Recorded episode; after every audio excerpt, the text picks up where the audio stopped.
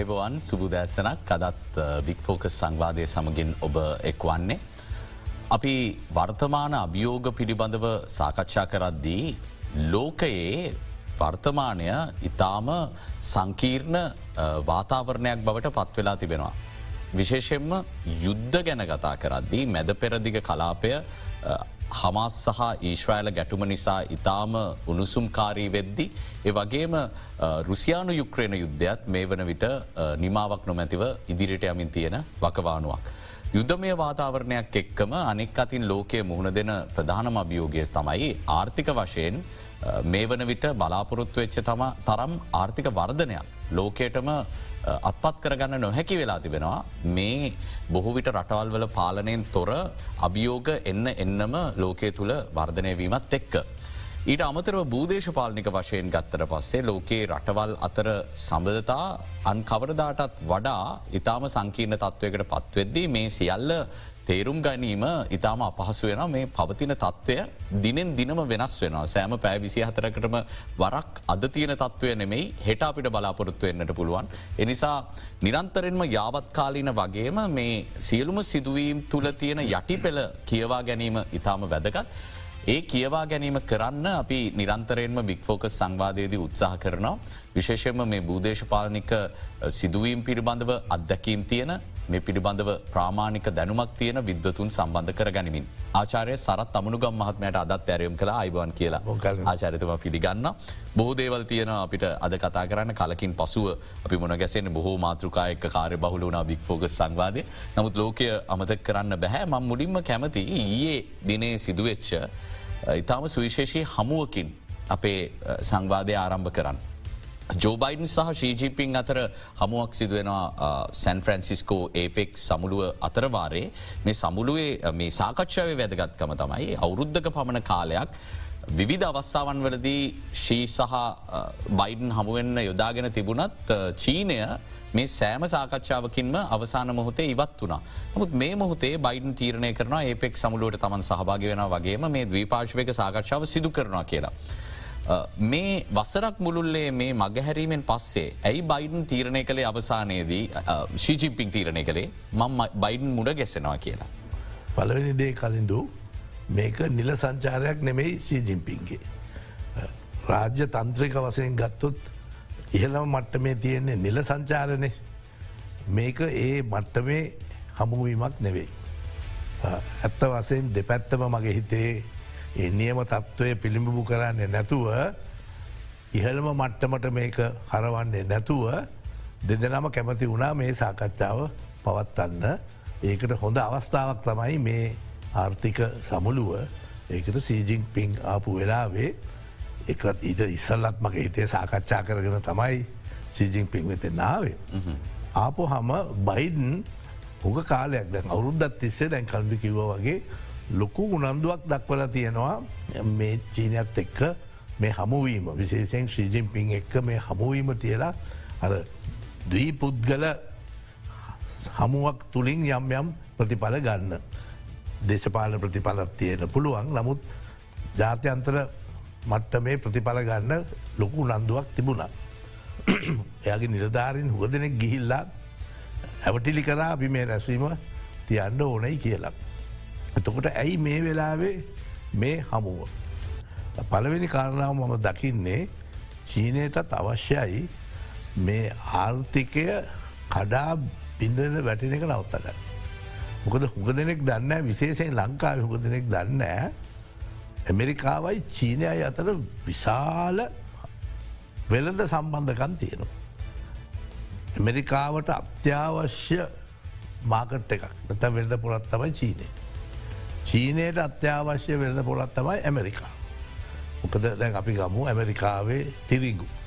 ඇමරිකාවේ ගලටගෙන pork bellies pork දොඩන් සමහරේව ඉට වඩා තාක්ෂණික මට්ටම ඉහල්ල දේවලුත් ඒවට හොඳම වෙළඳ පොල තියෙන චීනය.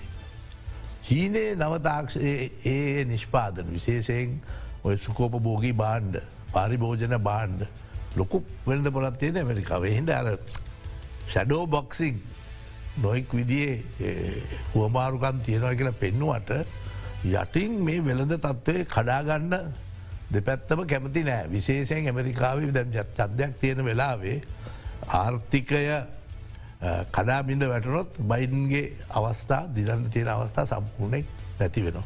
එහින්ද ඕගේ එකක් තමයි මේක ඇත්ත වසෙන් වෙළඳ අන්සෙන් ගත්තහම දෙන්නටම මේ වෙලාවේ අත්‍යවශ්‍යයි මේ ගැන සාකච්ඡා කර.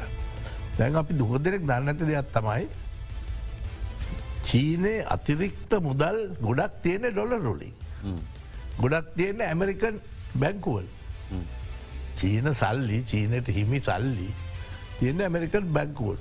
මන් නිදසුල කරන්න අපිට මේ අයම එක සල්ලි හම්බෙනවා කියනවානේ ඒ සල්ලිත් තියෙන ඇමරිකන් බැංකුවල එම නැත ඉංගලන්තේ බැංකුවල තියලා අපට ඕන වෙලාවට අපි ඒක ඩෝඩවුන් කරන පල්ලහට ඇරගල අපිට ඕන විදි යුදාගන්නපුල චීනත් එහෙම තමයි උගක් මේ සල්ලි තියෙන්නේ ඩොලර්ඩුලේ.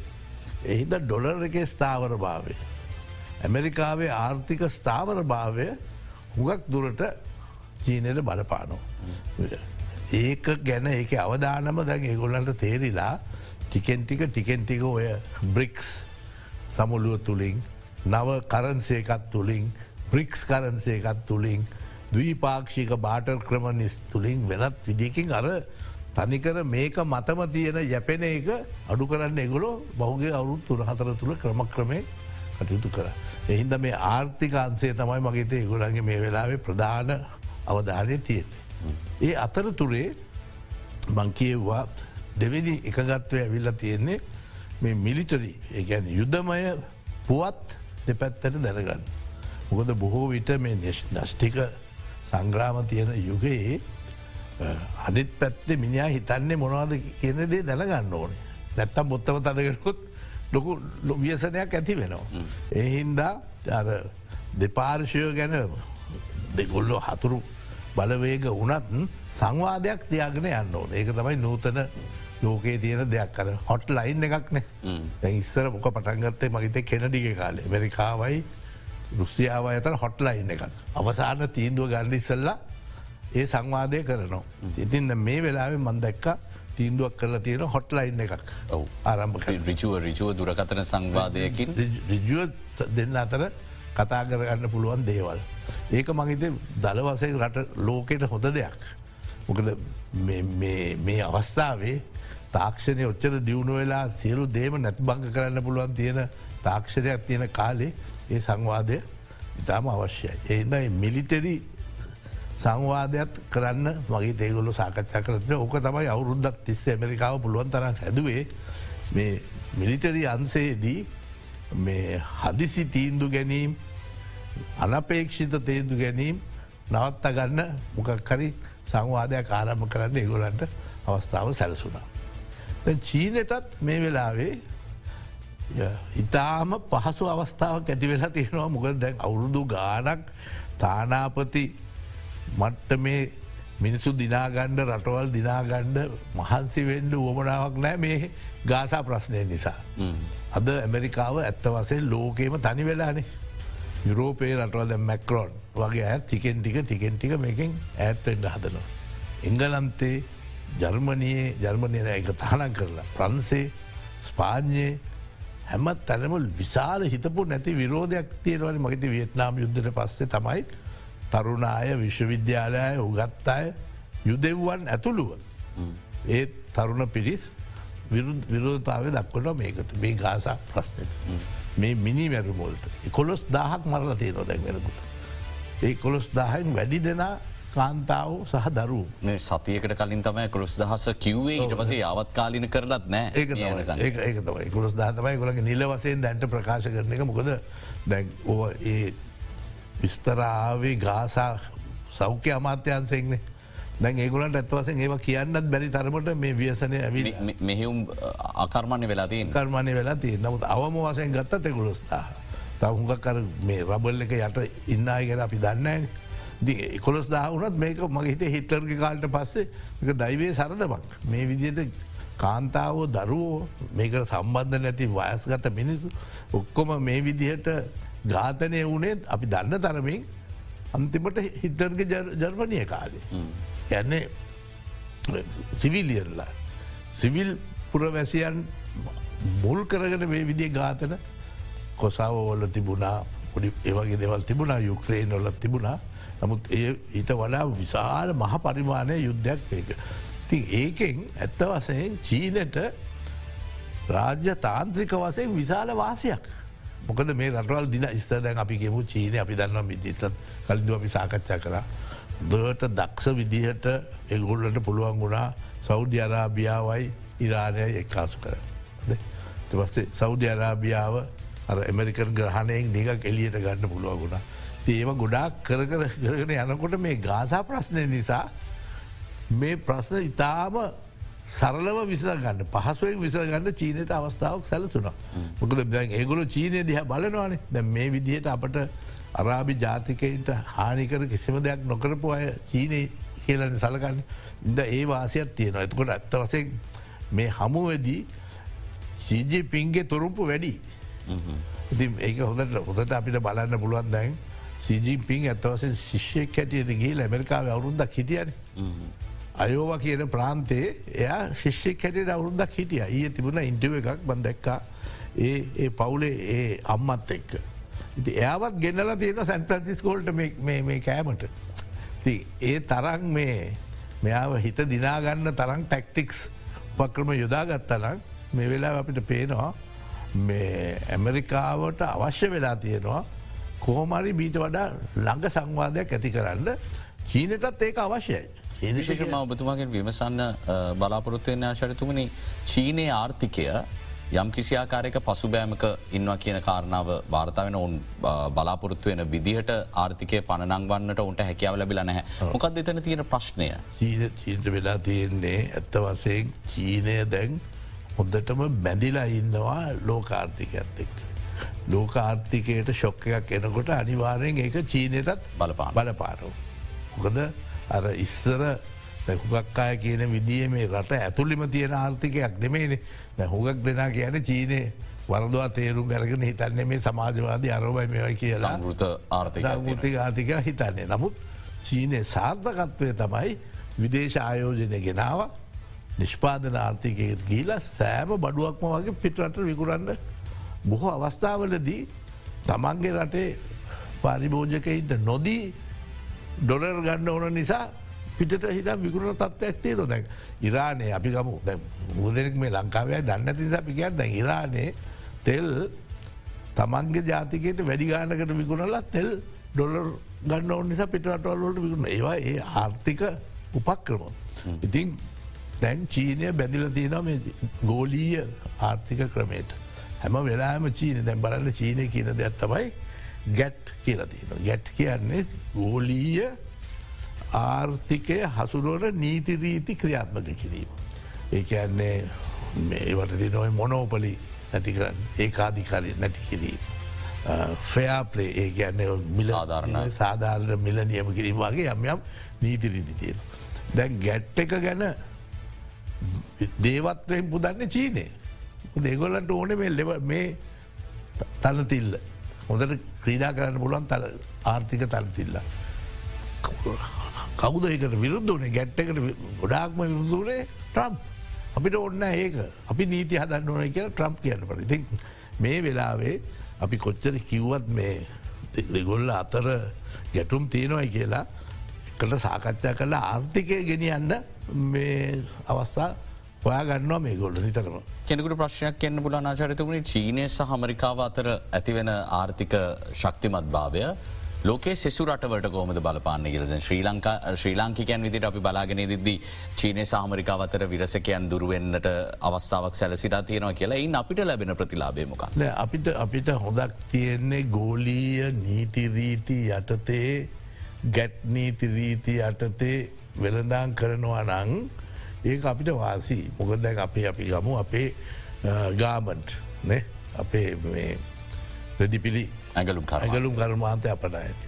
අපේ තේ රබර් පොල් අපි අපනෑන කරන හැම දේම සාධාරණ නීතිරීති යටතේ කරනවා නම් අපට වාසි. ොද පුංචි රටක්නේ ඒ නීති අපිට අවශ්‍යයි.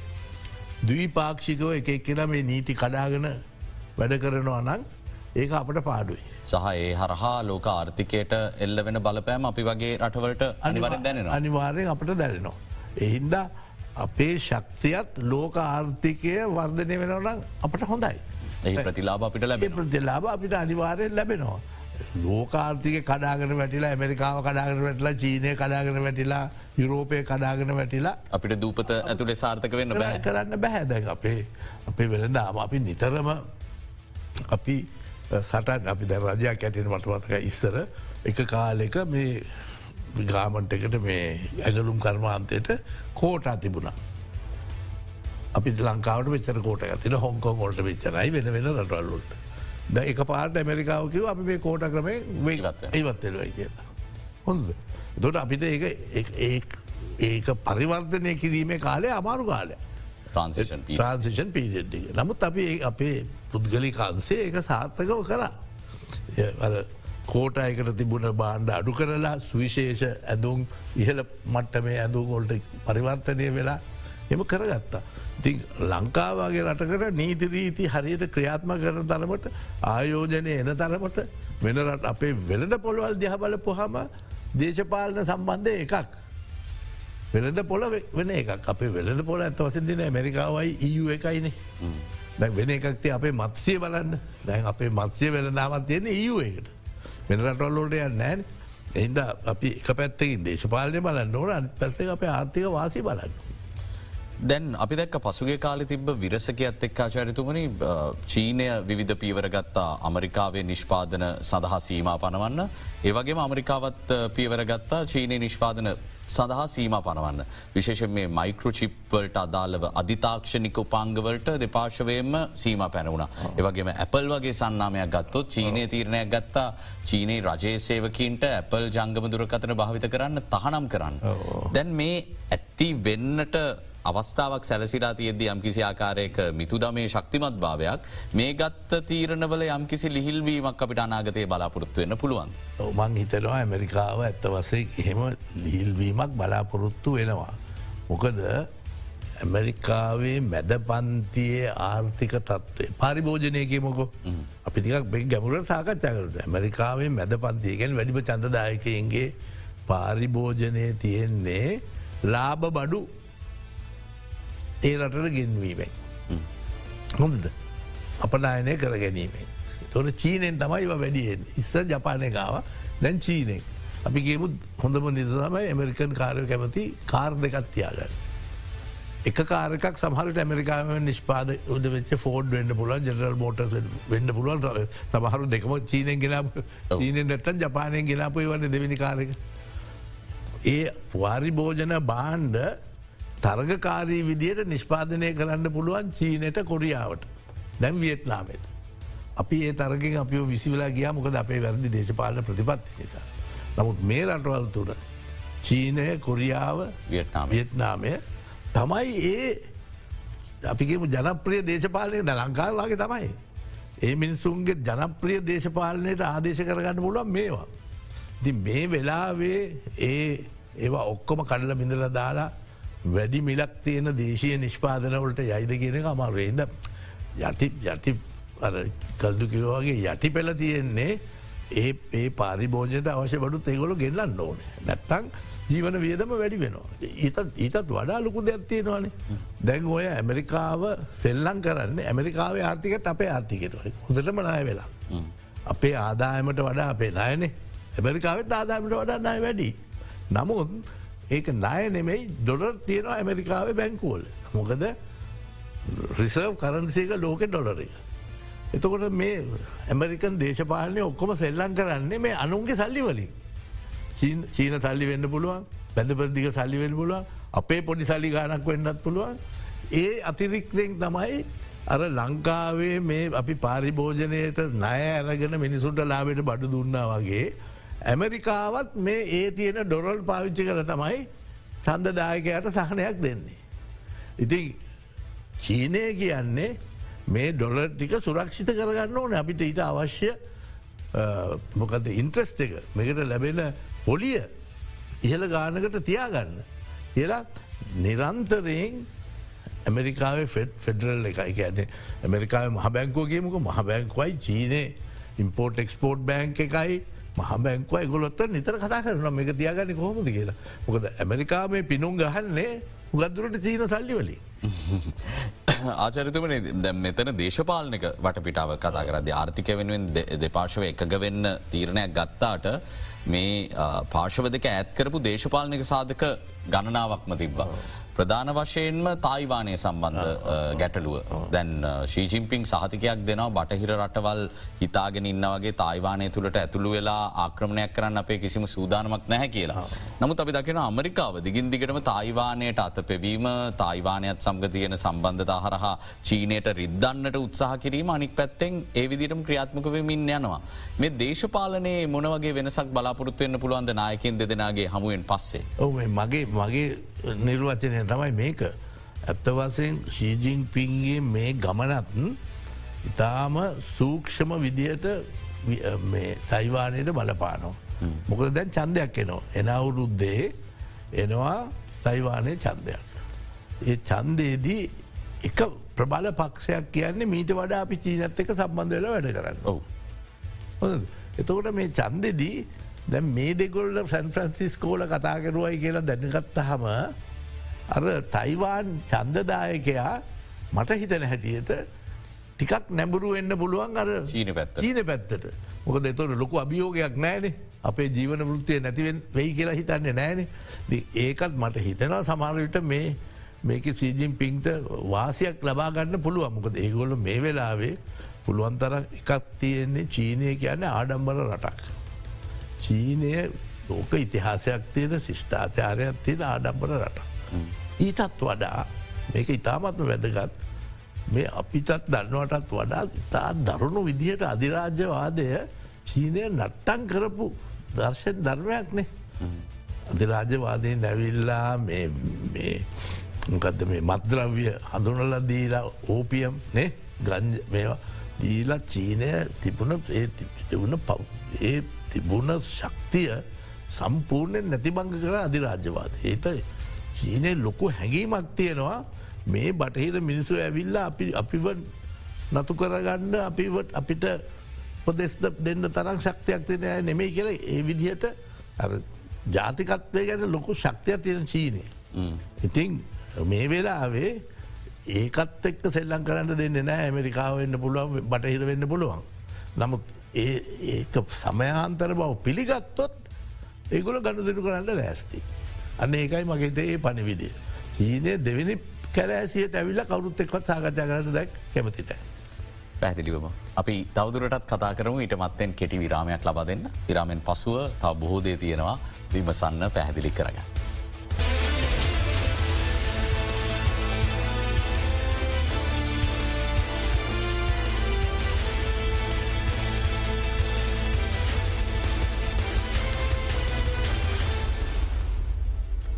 ආචාරය සරත් අමනුගම මහත්මඇත් එක් අපි අද බික් ෆෝකස් සංවාදය රැඳී සිටිනේ වර්තමාන ලෝකය මුහුණ දෙන අභියෝග පිළිබඳව අපි අද සාකච්ඡා කරනවා. ආචරිතුමනි අමරිකාව ගැන කතා කරද්දි තම සංවේදී වසරක් එන්නේ අමරිකානු ජනාධිපතිවරණයක්ත් එක්ක ලබන වසරේ. දැන් ජෝ බයින්ගේ ජනප්‍රියත්වය බොහෝ විට වියකී යමින් තිබෙන බවක් තමයි මේ වන විට තියෙන මත සමීක්ෂණවලින් පෙනියන්න තියෙන්නේ. විශේෂෙන්ම වූ ලෝකයට බූදේශපාලනික වශයෙන් ගන්න තීන්දු තීරණ වගේම අමරිකාව තුළ ගන්න තීන්දු තීරණත් එතරම් ප්‍රසාදයට ලක් වෙලා නෑ අමරිකානුවන්ගේ. අනික් අතින් ඩොනල් ට්‍රම්ගේ ජනප්‍රියත්වය තිබුණට වඩා ඉහලයමින් පවතිනවා මොන අධිකරණ ක්‍රියාමාර්ග ගත්තත්. දැන් ජෝ බයිඩන්ට මේ පවතින කාලසීමාව ප්‍රමාණත්වේද ඔහුට යළිත් ඒ අහිමි වෙමින් පවතින ජනප්‍රියත්වය දිනාගන්න ඔබ කොහොමද මේ ජනාධිපතිවරණයට අදාළව තත්ත්වය කියවන්නේ. ඇමරිකල් දේශපාලනය විග්‍රහ කරන්න එක විදිකින් ලේසි. මොකද මේ ජනමත විචාරණ නිතරම කෙරෙනවානේ. අනිත් එක දැන් ඔය ඇමරිකාවේ ජනාධිපති තරගවල ඉතාමත්ම වැදගත්දේ තමයි හැම පක්ෂයෙන්ම මේ තමන්ගේ පෝලිං පෝල්ස්ට තමන්ගේ පෝලිං කරන කෙනෙක් ඉන්නවා. ති එකක් තමයි ජාතික වසයෙන් කියන දෙයක් අනිත් එක පක්ෂ ඇතුලනුත් කියනවා දැ මේකයි තත්ව මේ මේ මාතෘක තමයි අපි තෝරන්න ඕනේ මේකයි වගේ ජනප්‍රියත්ව ඒත මේ පෝලිං කියන එක ඉතාමත්ම වැදගත් ඇමරිකන් දේශපාලනය. එතකොට ඒ ජනමත විචාරණයෙන් පේන දෙයක් තමයි බයින්ට එක මුළු රටේම තියෙන ජනප්‍රියත්වය බහිනවා. ඊටත් වඩා ඔහුට භයනක දෙවෙනි කාරණාව තමයි තමන්ගේ පක්ෂය තුළ තියෙන ජනප්‍රියත්වත් බයිනෝ. ඉතින් ඒ දෙකම දෙක ජාතික වසයෙන් සියලු දෙනාම ඒන්නේ ඩෙමොක්‍රෑන්් රිපබ්ලිකන් ස්වාදීන ඔක්කොමලක් ගත්තාමත් එයාගේ ජනප්‍රියත්වය බහිනවනං ඊටත් අමතරුව පක්ෂය තුළත් එයාගේ ජනප්‍රියත්වය බහිනවනං එයා අමාරු තත්වක ඉන්නේ. නමුත් තවම නියම චැලෙන්ජ එකත් දෙන්න පුළුවන් කෙනෙක් ඉදිරිපත් වෙලා නැහැ. ඩිමොක්ටරික් පක්ෂ පක්ෂය තුළ අනි පැත්තෙන් ඒකට එක හේතුවක් සමහර වෙන්න පුළුවන් මංහිතන ඇටියට අපි කෙනෙක් යවල වැඩක් නෑ මොකද පරදි පරදිින්ට මිනිෙක් එන්න නෑන දේශපාලය උකදේ නොදන්න දෙයක් වෙන්න පුළුව කැමති නෑ කවරුත් පරදිද පරදින්න එන්න කැමති නෑන තින් මේ පැත්තෙන් මොකද හැම්ම සමීක්ෂණයක්ම පෙන්න්නන්නේ අද කල්දි කිව්වාගේ ට්‍රම්ප්ට එන්න එන්නම යාගේ ජනප්‍රියත්වය වැඩි වෙනවා. මොකද හැම දේටමත් වඩා මේ ටෙලිවිෂන් ඉතාම වැදගත්නේ. ඒ ටෙලිවිෂන් එක පේනවා බයින්ට මේක කරන්න බෑ. අමතක වෙනවා. දැන්කියපු දෙන්න මේ පත්ස කියන්නේ හරියට ඇවිදින්න බෑ. පඩි පෙලක් හොයාගෙන බහින්ඩ බෑ. ඒවගේ හුගක් දින පතා දැන් ඔහු විශේෂයෙන් ඔය ටෙලිවිෂන් පෙශලි ප්‍රෝග්‍රෑම් තියෙනවානේ. ඒ ගැන ප්‍රධාන කලින්දවාගේ එකෙනකින් නො ඒ ශේත්‍රයට එමරිකාව කීප දෙයක්කින්න. ති ඒගොල්ලු හැම කෙනාව දැන් බයින්ට විරුද්ධව හැරිලා. ඒ එක්කෙනෙක්වත් මන්දන්න තරමින් එයාව විවේචනාත්මකවා දහස් පල කරන ඒ අතර තුරේ ෆොක්ස් ඒගොල කෙලින්ම ගහනවනේ. ඉතිං හැම දෙනාම වගේ දැන් කියන්නේ ට්‍රම් දිනනවා මේ නඩුවකින් නැත අධිකරණය තුළින් එයාව පහට හෙළුවොත් මිසක් දැන් එයාගේ දිනක නවත්තන්න බැඒක තමයි අනිත් අඇතුළ එයාගේ පක්ෂ තුළත් එච්චර උරන්දුවක් නෑ ඩෙමොක්‍රට් කාරයගේ තුනන්දුවක් නෑ මොකද මෙතන මෙයා දින ලකුණු තියෙනවන තනි අස්සේගේ තනි අත්සක ඒ වගේ තියෙන්නේ. එකමද ඒගොල්ලඟ බලාපොරොත් දෙන්නේ නඩුවකින් මෙයාව කකුලෙන් අදීද කියන එකයි. නමුත් ඇමරිකන් ව්‍යවස්ථාව යටත හිරේ ඉදංගොලත් අන්න ඉල්ලන්න පුළුව. එයාට අනිතක එයාටම දෙන්න පුළුවන් මේ සමාවක්. ඉති එච්චර දුරයක් නැතිවෙයි. එද මේ වෙලාවේ අපි වෙන දේවල් අමතක කරත් ඒ ඉදිරිපත් වෙන අපේක්ෂකයින්ගේ ස්වරූපය බලපුහම පේන්නේ හැම දෙනාම වගේ මේක දැන් ට්‍රම්ප්ට යන දෙයක් අපි මොකට සල්ලිවේදන් කරන්නේ මහන්සි වෙන්නේ අනිත්තක ඉතාම වැදගත් දෙයක්ත්වෙනවා කලින්දු. ඇමරිකාවේ සමට අනි රටවල්ලත් අපත් එම වෙන්න ඇති බන්දන්න. දිනරවන තමයි සල්ලි දෙන්නේ. ඇමරිකාවේ පර්ස්ට්‍රිංක්සේ වටික තමන්ගේ පර්සක අරින්නේ අරමිනිය දිනයි කියලා හිතුවොත් විතරයි. ආයෝජනයන්නේ කරන්න? නැත්තව ආයෝජනය නැත්තන් එගුලු කරන්නේ නෑ. දැන් එතකොට දැන් මේ ඒවට ගැන කැම්පේන් ෆන්ස් දැන් කැම්පේන් ෆන්ස් එන්න නෑ කියන්න ඇයි? ඒ කියන්නේ ඇත්ත වසේ මුදල් දෙන්න ඕන මිනිසු දන්න මේ මිනිට සල්ලිදිල වැඩක් දැක ශ්‍රම් දිනාගෙන එනවා නං එයාගේ පැත්තර සල්ලි එනවා මිසක් අනි පැත්තර සල්ලියෙන්නේ නෑ. ති ඒ විදියට බලපුහම ඒ ඒකත් තව සාධකයක්. ඒ විදියට බලපුවාමත් දැන් හොකද ට්‍රම්ප්ට තමයි මේක හරියන්නේ කියලා කල්පනා කරනවා. ඊශ්‍රයිල හමස් ගැටුම ගැන අපි කතා කරන්න ඕනෙ මොකද දැම් මේ වෙද්දී අපි කතා කරවගේ චරිතුවන විශාල මානුෂී අර්බුදයක් නිර්මාණය වෙලා තියෙනවා ලෝකයම සටන් විරාමයක් සම්බන්ධයෙන් ඉල්ලීම් කළත්. නෙතන්යාහු එයට එකග වන බවක් පෙනෙන නැහැ. දිනකට පෑ හතරක් සටන් නවත්වලා සහන ලබා දෙන්න පමණක් අවස්සාවත් දෙන්නම් කියල කිව ඒකත් කලින් දැනුම් නොදී නිශ්ෂිත ස්ථානයක් ගැන කියන්න නැතුව තම මේ සටන් නවත්තන්න එකඟ වෙලා තියෙන්නේ. මේක දිගින් දිකටම යද්දි ඔබතුමාකිව අමරිකාව දැන් ඊශ්‍රයිලඇත් එක්කව තනිවෙමින් ඉන්නවා කියලා. මේ කොහෙට දෙයන්නේ. දැන් තාම වැදගත් සාධකයක් තමයි පෙරේදා. පෙරේදා මොකදර කාල වෙල් සත්තිය නිසා ආරක්ෂක මණ්ඩලේ සිකටි කවන්සිල් එක වනත් එකන් ඇමරිකාවයි රුසියාවයි ඒකා බද්ධව මේ පාස් කරා එක යෝජනාවක්. ඒකන් අවම යෝජනාව සිකටි කවන්සිලකින් දෙපැත්ත කතා කරලා ගත්ත මේක හැම දෙනාටම එකක වෙන්න පුලක් අවමදේ අපි ඉදිරිපත් කරමුයි කියලා. මොකද අවමදේ. එකක් තමයි මේ හිවමැනිටේරියන් පෝස් කියන එක. එක මානුෂික නිසා මානුෂික මොහොතක් පෝස් යම් කිසි වෙලාවක් එක නවත්තන්න. මොකද විශේෂෙන් මේකට සම්බන්ධ නැති සිවිල් වැසියන් කාන්තාවන් දරුවන්ට යන්ඩ ඒක තමයි එකත් තමයි මේ පෝස් එක. අනිත් එක තම හිවමැනිටේන් කොරිඩෝ එක.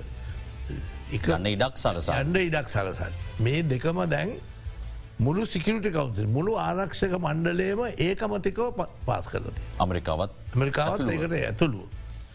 ඒත් එක්ගම මුල්ලු එක්සත් ජාතින්ගේ ඒ මණ්ඩ ලොකු සාමාජිකයෝ ඔක්කමත් මේකට සහවිද ඉතත් වල ඉසරහට ගීලතිටයක. තුන්වෙනි කාරණාව යුටරේස් මේ මහලේක මහලේකම්තුමත් ඉතාම පැහැදිලිව කියරතින මේක මේක මේක අපේ ඉතිහාසයම මෑත ඉතිහාසම නැති විදියේ තාම අවාසනාවන්ත සිද්ධියක් වහම මේක නවත්තන්නේ. එහින්ද ලෝක බතය දැන් අවම මේ අවමදයට ඒ ගැන්න මේක නවත්තන්න ටික කාලෙකට ඒ තමගම කොරිඩෝ එකක් හදන්න මේ මිනිසුන්ට යන්න. එවිතරක් නෙවෙයි දැන් මේ හමාස එකත් කියල තියෙනවා. ඔයගොල්ලො දින පහකට පෝස්ස එකක්. දින පහකට බෝම්බ දැමීම මේ සටන් නැවැත්තුවොත් අපි හැත්තෑවක් ප්‍රාණයප ප්‍රාණප කර නිකුත් කරනවා කියල ඉති මේවා ඔක්කොම එකට ගත්තහම මේක ලොකු ප්‍රබල ඉල්ලීමක් ඇමරිකාව ඇතුළු සිකරටි කවන්සිල් එක සියලුම සාමාජික. ඒ තියදත් මේ මිනිස්සු ඉස්රේල් එක තවම නැටින්යාව ඒකට සවන් දෙන්නේ නැහැ. කෙන අමරිකාවේ ග්‍රහණය තවදුරටත් netanyahu නැද්ද ඔවුන් ඔවුන් ධර්ණ ස්ථාවරයට අනුව හෝ යම්කිසි මානුෂය නැවතුමකටවත් එක කරගන්න බැරි වෙලා තියෙන්නේ අමරිකාවට මොකක්ද තියෙන ඔව්, ප්‍රශ්න මගේ ඇමරිකාවත් දැන් හිර වෙලා තියෙන්නේ. මොකද මංහිතන්නේ නෑ ඒගොල්ල හිතුවයි කියල මේ වගේ ගෝලීය විරෝධතාවයක් එයි කියලා. ගොද ඇමරිකාව තනි වෙලා ඉසේරත් එක තනි වෙලා. අනිත් අතට දැන් නැටැන්යවාහු දරහ කරගන්නත් බෑ ගොල්ලන්න තුර්කිය තුර්කය ජනාධිපතිවරයක් කිව ශ්‍රයිලය කියන්නේ ත්‍රස්තවාදී රාජ්‍යයක් කියලා සම්පූර්ණයෙන් දැන් මේ අනිත කමත කරන්නපත් තුර්කිය කියන්නේ නේටෝ. සංවිධාය යුරෝප සංවිධානයේ සාමාජිකයෙක්. සාමාජික දත ඒගොල නේටෝ එක මිට හැමදාම තීන්දු ගන්න ඕනේ සාමූහිකෝ කියල තියෙනවන. ඉතින් දවසින් දවස මේ තත්ත්වය එක පැත්තකින් ඉතුරුවෙන්න නෑ මිනිසු මේක කරන්න. මොකද දැ මේගොල කරපු වැඩේ ඉස්සලාම් ඉස්්‍රේලි කිව්ව අපි ගාසායකට දෙකට බෙදෙන අපි උතුරට විතරයි ගහන්නේ. ඔගොල යන්න දකුණට යන්න මොකදර රාෆ ක්‍රොසිං එක ඉජිප්තුවට ලංවෙන පැත්තට ඔගොල යන්න ඒ පැත්තට අපි මුකුත් කරන්න නෑ උකොම් මේ හමස්කාරය ඔක්කොම ඉන්න උතරේ විස්පිරිතාලාරමය අපි ඒවට ගහනොයි. නමුත් ඒකත් කඩලා අර දකුණට ආපු මිනිසුන්ටත් බෝප දැම්ම.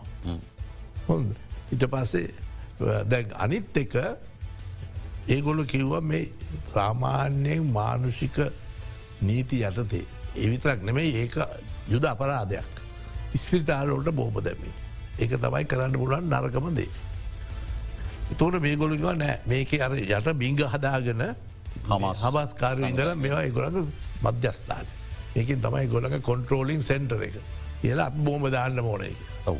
නමුත් මොන ඉදිරිපත් කරද පරණ සපත්තු ටිකක් යුද ඇඳුම් ටිකක් හැම හැම විචාරක සංවිධානය කියන ඔවුන් රැගෙනාපු අවියායුධ කීපයක් දාලා පෙන්න්නනවා දාල පෙන්න්නනවා කියල දැ කොහොමුණත් ඊය අහග නීටිය නෝවේ ගැන් මධ්‍යස්ස රටවල්ල ඉතල වැඩ කරන දොස්තරවරු එන මේක අමූලික බොරුවක්. අපි අවුදු පහලුවක් මෙත දැක දොස්තර කෙනෙක්. අල්ශි ෆරෝහලේ ඕ අපි අවුදු පාලක් මෙතර වැඩ කරලා තියෙන අපි කිසිම දැක් එම දැක්කනෑ අපිට කිසිම බලපෑමක් කරේ නෑ හමස්කාරු කළගොලු කියනවා. එතකොට දැන් පේන තියෙන දේ තමයි මෙච්චර ඇවිල්ල ආක්‍රමණය කරලා ගාසා සිටියකට ඇතුළටම ගිහිල දැඟගොල ඇවිල්ලනේ. හමුදාව ඇතුට ඇවිල්ලා. ඒත් කාටත් පිළිගන්න පුළුවන් සාක්ෂි ඉදිරිපත් කරලත් නෑ හමස්කාරයෝ අල්ලගරත් නෑ හමස් දැන් හමස් නායකගේ ගෙදට වැඩි තිබ්බ කියල විතරන කියන්නේ එය අල්ලගත්ත කියලා කියන්නෙත් නෑ.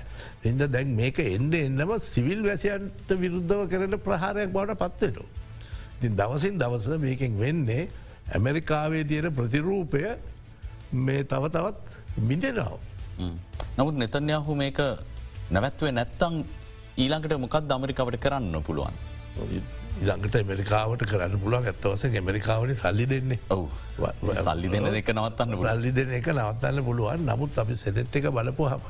සෙනෙට් එක එක්කෙනෙක් දෙන්නෙක් කැරෙන්ට හවස කොංග්‍රස් එක ඇරෙන්න්න ඒ හැම දෙනාම දැන් ඒගුල කියන්නේ නෑ. තමට අපේ මන්ත්‍රීවරුවගේ තමයි. ඒගොල්ලන්ට සල්ලි දෙන මිනිස්සු. සල්ලි කියන්නේ පගාවම විතරක් නෙමේ සමහට චන්දවලට උත් සල්ලි දෙන අය කියන විදිර තමයි මේගොල කරන්න. අපිට පේන ඒකන. අපේ මන්ත්‍රීවරු කියලා හිටියට මේගොල පඹයෝනේ සල්ලි දෙන මිනිසු කියන විදිරට පාලිමෙන්තය කතා කරනවා. කද මේ සෙල්ලම? එමරිකාවෙත් එහෙමයි. හවස රෙප්‍රසටව සෙනෙට් එකේ ඇවිල්ල ඒගොල්ල ස්වතන්ත්‍ර මිනිසු නෙමෙයි. තමන්ට චන්දට සල්ලි වැඩ කරමින්තු මුදලාලිලා ඒගොල්ලන්ගේ හඬ ඇවිල පාර්ලිමෙන්තු ඇතුලේ කතා කරනවා. ඉතින් ඒක තමයි මේ ක්‍රිකට්ටොලින දැත් කලින් දුකක් ඒ ගැන දිරිපත් කරන්න මේක රට පෙන්න්න නිමොකක්ද මේ මිනිසු මේ මන්ත්‍රීවරු හැට රාවට මුං ඇවිල්ලා නිකන් කටහට විතරයි මුදලල්ලගේ. හොරුන්ගේ දූෂිතයන්ගේ මුදලල්ලගේ හඬ ඇවිල පාර්ලිමෙන්තුව අපිට අහන්න ලැබෙනවා. දි මේ තත්ත්වය තුළ ලොකුත් විශේෂෙන් තරුණ පෙරතුළ ලෝකෙම ලොකු විරෝධයක් යනු. දැන් යුරෝපය ගත්තත් ප්‍රධාන නගරවල විරෝධතා ගණනාවක්තිය ඔබතුමා කිව්ව වගේ ඇතැමිට යුදෙව්වන් පවා මේ ගාසා තීරය කරන ජන සංහාරයට විරුද්ධව විරෝධතා පෙළ පාලිවලට එක් වෙනවා. ද අපි දැක්ක බ්‍රතාානය තුළ අභ්‍යන්තර කටයුතු අමාත්‍යවරයට ඇගේ තනතුරත් අහිමි වෙනවා යම් කිසියාකට පොලිසිය සම්බන්ධෙන් විවේචනාත්මක අදහස් පල කරන්න. දැන් මේ ආණ්ඩු සියල්ලටම විශාල තර්ජනයක් මේ තියෙන විරෝධතා මේ සම්බන්ධයෙන් මොනවගේ පියවරක් ගන්නීද යුරෝපය ප්‍රධානනායකින්. කලින්දු ඒක තමයි දැම් විචාරකයෝ කියන්නේ මේ ගාසා තීරයට කරපු වැඩේට පස්සේ මුළුල් වර්තමාන ඉතිහාසය යම් කිසි දිසානිතියක් තිබුණන ඒක වෙනස් වෙනවා. මොකද හැම තැනම ජනතාව තුළ අර වියට්නාම යුද්ධයට පස්සේ වගේ විශාල විරෝධයක්.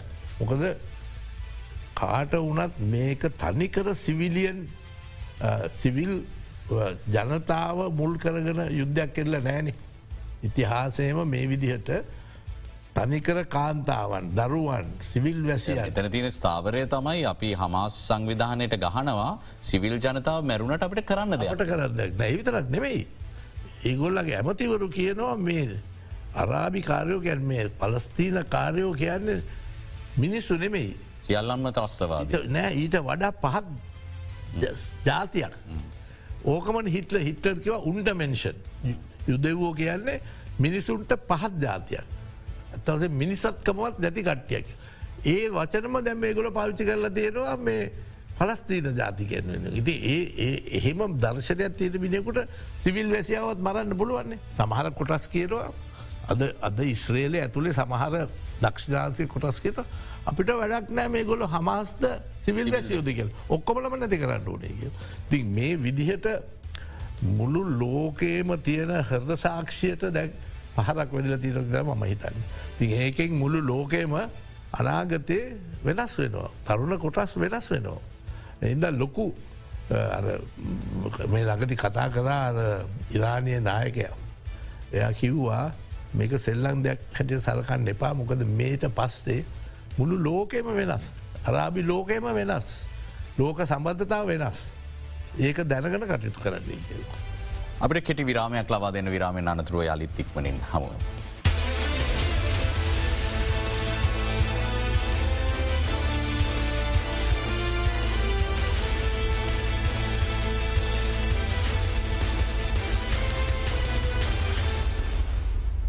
යළිත් බික් ෆෝකස් ආචරිතුමන වී රුසියානු යුක්්‍රේණ යුද්ධය ගැන අවධානයමු කරද්දී දැන් ස්පරිං ඔෆෙන්සිව් එක පටන් අරන් එතරම් බලාපොරොත්තු වෙච්ච තරම් සාර්ථකත්වයක් අමරිකාවේ ආධහර කොච්චර ලැබුණත් යුක්‍රේණයට හැකව ලැබුණ නැහැ සාර්ථකත්වයක් ගන්න. දැන් යළිත් එන්නේ ඉතාම අපහසු කාල සීමාවක් යුද්ධ කරන්න ශීතීර්තුව පටන්ගත්තට පස්සේ. දැන් මෙවැනි වටපිටාවක රුසියානු යුක්‍රේණ යුද්ධේත් යුක්‍රේණය බලාපොරොත්වෙන යුද්ධමය ජයග්‍රහණයක් නොලැබෙන තැන. මේට දේශපාලනික ආමන්ත්‍රණයක් සඳහා යොමුවෙන්න මේ වසර තුළ හෝ බලපෑමක් කෙල්ල වේද මුළු ලෝකෙන්ම. ඔවු දැන් මේක වැදගත්දේ කලින්දූ ඇමරිකාවනේ මේක ප්‍රධාන වසයෙන් මේක ගෙනියන්නේ දැන් ට්‍රම්පුනත් කියන්නේ මේ යුද්ධේ වැඩියම වේදක් කරන්න ඇමරිකන් ඩොලර් ඔවු යුරෝපිය යුනියන් එකෙන් එච්චර වේදක් කරන්නේ නෑ. දැම් මොකද සැනෙට් එක කරන්නේ. මේක ඉතාමත්ම වැදගත් දෙයක් හොක දෙනෙක් පෙන්ුව නැතිවුණාට. බයින් කරපු වැඩේ යෝජනාවක් ගෙනාව අපි සල්ලි දෙන්න ඕනේ තුනක් එකක් තමයි ඉස්්‍රේලයට විශාල වසේ. දෙවැනිය යුක්්‍රේන එක. තුන්වැනි එක අර ගාසාවලටත් යම් කිසි සහනයක් දෙන්න මේ තුනම එක පැකේජයකට ගෙනාව එකතියක් කට්ට වැඩක් ඔවු මේක ගෙනල්ලා කිව්ව දැම් මේකට සල්ලිවෙන් කරන්නක. හැබයි සෙනෙට් එක මොකද කරේ? කොංග්‍රස් එක මොකද කරේ? ඒකොලක බෑ. යුක්ලේන එක මේ අයින් කරන්න. අපි දෙන්න ලෑස්ති ඊශ්‍රයිලට සහ ගාසාකට යුක්ලේන් අයි කරන්න. ඒකෙන් මොකද දෙන පණ විදිිය එකන අපි සල්ලි දෙන්න කැමති නෑ. මේ යුක්‍රේන් යුද්ධර තව ගෙනියන්න අපි සල්ලි දෙන්න කැමතිනෑ අමරිකානු බදමුදල් කියල බලිමුද මුදල්. එද ලොකු දැන් හැඟීමක් එනවා. මේ යුක්‍රේනය කරපු වැඩේ අපට වැරදුනාදෝ කියලා. මොක දර ස්පරිං ඔෆෙන්සිව එක වැඩ කරේ නෑ. ගිහිල්ලා මේ රුසියන් හමුදාවත් එක හැප්පිච්ච ගමන් ඉහට එගොලට යන්න බැරුණ එගොලු හිතුවේ මේ ඩොන් බාස් ඩොන්ස් ඒරිය එක ආපහු අල්ලගන්න පුළුවන් වෙයි කියලන. ඒක අසාත්තකයි. දැන් රුසියාවෙන් කියලා තියෙනවා අපිටත් මේ කොටස දෙනවා නං මේක වෙන් කරලා ගත්තොත් අපිට ඉතුරුව කියව පැත්ත ගැන අපේ එච්චර උනන්දුවක් නෑ හැබැයි ඒගොල්ලන්ට මේ මේකට නේටෝ එකට යන්න බෑ. ඉතුටික ඔගොල කරගෙන යන්න කියලා හිදයි. එහෙම යම්කිසි ඒකගත්වේ ලකුණුත් එනවා. දැන් ඔය බයිඩන් ඔයි චීනයයි ශීජිං පිංගුත් අල්ලගන්න හදන්නේ ඒගොල්ලන්ගේ හැමදාම එක කොටසක් ඉන්න ඇමරිකන් ෆොරින් විදේශ ප්‍රතිපත්තිය ගැන සාකච්ඡා කරන අය පුළුවන් තරම් රුසියාවයි චීනයි ඇත් කර පල්ලයි කිය එක නික්සන් ඩොක්ට්‍රීන් ගැන නික්සන් කිසිංජ ඩොක්ට්‍රීන් කියන්නේ මේ දෙගොල්ල ස්වාභාවිකවර නිවුන් නොවාගේ එකව් කරන්න එපා. ඒගොල්ලන්ගේ අවශ්‍යතාවයි මෙගොලඟ වෙනස්. ඒ දෙක මැදින් ගිහිල්ලා අපි මේක තුන්කොන් සටරක් කරමු දෙපාර්ශික සටනක් කරන්න නැතුව කියලා. ඒකත් මේකට බලපානෝ. ඉතින් නමුත් මේ යුක්‍රේන් ප්‍රශ්නය නිසා ඒ නික්සන් ප්‍රතිපත්තිය ක්‍රියාත්ම කරන්න බැරි වුණ මේගොල තව තවත් ලං වුණා. සැකයක් තියෙනවා උතුරකුරියාවෙන් ඉරානයෙන් චීනෙන් මේගොල්ලන්ට යුදාවුද පවා ඩ්‍රෝන්ස් අරෝම එනවයි කියලා. ඉතින් දැන් මරිකාවත් කල්පනා කරන අපි මෙ හැමදේම වරද්ද ගත්ත නේද කියලා. එතන රුසියාවයි චීනය එතන ඒකා බද්ධ කරලා එතකොට යුරෝපය දැන් එන්ඩ එන්නම බය වෙලා වින්ටර එකක් එනවා එතකොට ලොකුලොකු ප්‍රශ්න ඇති වෙනවා. ජනතාව දැන් මෙතන ගාසායකත් එකත් අරහ වෙලා මෙතන තම තමන්ගේ ඌස්නත්ත අරමව ප්‍රශ්නාපු හම මෙ අඩාබිඳල වැටෙන්න්න පුළුවන්. හැදැන් ස්පාඥයේ ආණ්ඩුව පෙරලුණා මැක්‍රෝන්ට මොනවවේද දන්න ජර්මණය අනිවාරයෙන් ඒගාව චන්දෙදී ශොල්ස් වීසි වෙනවා. ති මේ විදිහට තියෙන තාම සංකීර්ණ තත්ත්වයක් තියෙන්නේ. එහිනම් පේනෙ මගේ හිත එන්න එන්නම දැන් ඔය චීනත් එක් කතා කරන රුසියාවත් එකම කතා කරන අවසානයේදී මේ යම් කිසි එකගතාවකට එන්න පුළුවන් වෙයි. මොකද ප්‍රධාන දේගොල්ලොන් කියන් යුක්‍රේනය මිනිසු නෑද යුද්ධ කරන්න. යුද්ධ හමුදාවෙන් වැඩි දෙනෙක් මරලා සට ඉතු කොට පැල්ල ගිහිල්ලා.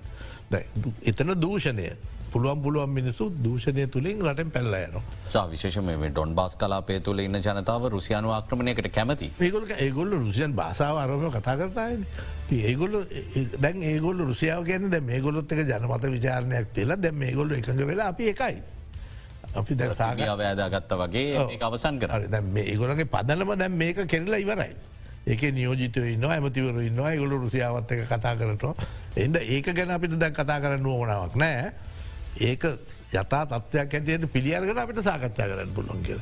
ඉතින් එන්ඩ එන්නම මට පේන හැටියට ඒගොල්ලන්ට පේනවා මේ යුක්‍රේන් සටන දිනල පුළුවන් සටක් නෙමයි කියල හිවිතරක් නෙමයි දැන් එන්න එනවා දූෂණය පිළිබඳ හුවක් චෝදන. ගොල කියන්නේ ට අදාල දූෂ දෙට අදාල් ජූද මේ රටවල් වලින් ආධාර දුන්නට ඒවා පුද්ගලිකෝ මෙමිතු හොරකන් කරලයි කියලා ඒකත් එක ප්‍රශ්නය. ඉතින් මට පේන හැටියට ලං අනිවාර්යෙන් සාකච්ඡාවට ගීල යම් කිසි විදමකට එයි. හොදයි ශ්‍රී ලාංකිකයන් විදිහට අපේ රට මුහුණ දෙන අභියෝග සම්බන්ධයෙන් අපි සාකච්ඡා කරද්දී රටට බලපාන බාහිර සාධක ගණනාවක් තිබෙන. එනිසා මේ ජාත්‍යන්තර දේශපාලනය තුළ සිදුවමින් පවතින්නේ කුමක්ද. මේ පවතින සිදුවීම් අනාගතයේදී කුමන දිශානතියකට යයිද. ඒවා අපේ රට මොනවගේ බලපෑමක් කරයිද කියන කාරණා පිළිබඳව බොහොම සවිඤ්ඥානිකව තීන්දු තීරණ ගැනීම වැදගත්. ඒ නිසා ඒ තීන්දු තීරණ ගැනීමට නම් මේ සඳහවන දැනුම ඔබට ලබාදීම ඉතාම වැදගත්. ඒ නිසා තමයි අපි බික් ෆෝකස් තුලින් විද්වතුන් සම්බන්ධ කර ගැනමින් විශේෂ මාචාරය සරත් අමනුගම් මහත්මාව සෑම අවස්සාාවකම සම්බන්ධ කර ගැනමින් මේ තොරතුරු විශ්ලේෂණය කරගන්නේ. වගේම ලෝබල ඇංගල් තුළින් දිනපතාම ඔබට ලෝකයේ සිදුවෙන්නේ කුමක්ද කියන කාරණාව ගැන තොරතුරු ගෙනෙන්නේ. එ අනුව ඉදිරියේදී ශ්‍රී ලාංකිකයන්ට අපි මෙතෙක් ජීවත් වුණු ආකාරයට වඩා බුද්ධිමත්ව තීන්දු තීරණ ගන්නට හැකියාව තිබෙනවා. තතු දැනගෙන තීන්දු තීරණ ගන්නට හැකියාව තිබෙන දෙහින්ම සූතියන්තය නාචාරතුවනි අදත් අපේ ආරාධනා පිළිගත්තාට. ඒ සමගින් අපි අදට සංවාධයෙන් සමගන්න හෙටත් සුපුරුදු වේලාවට ඔබ හමුවන්නට සූදානම් සුපදිනය.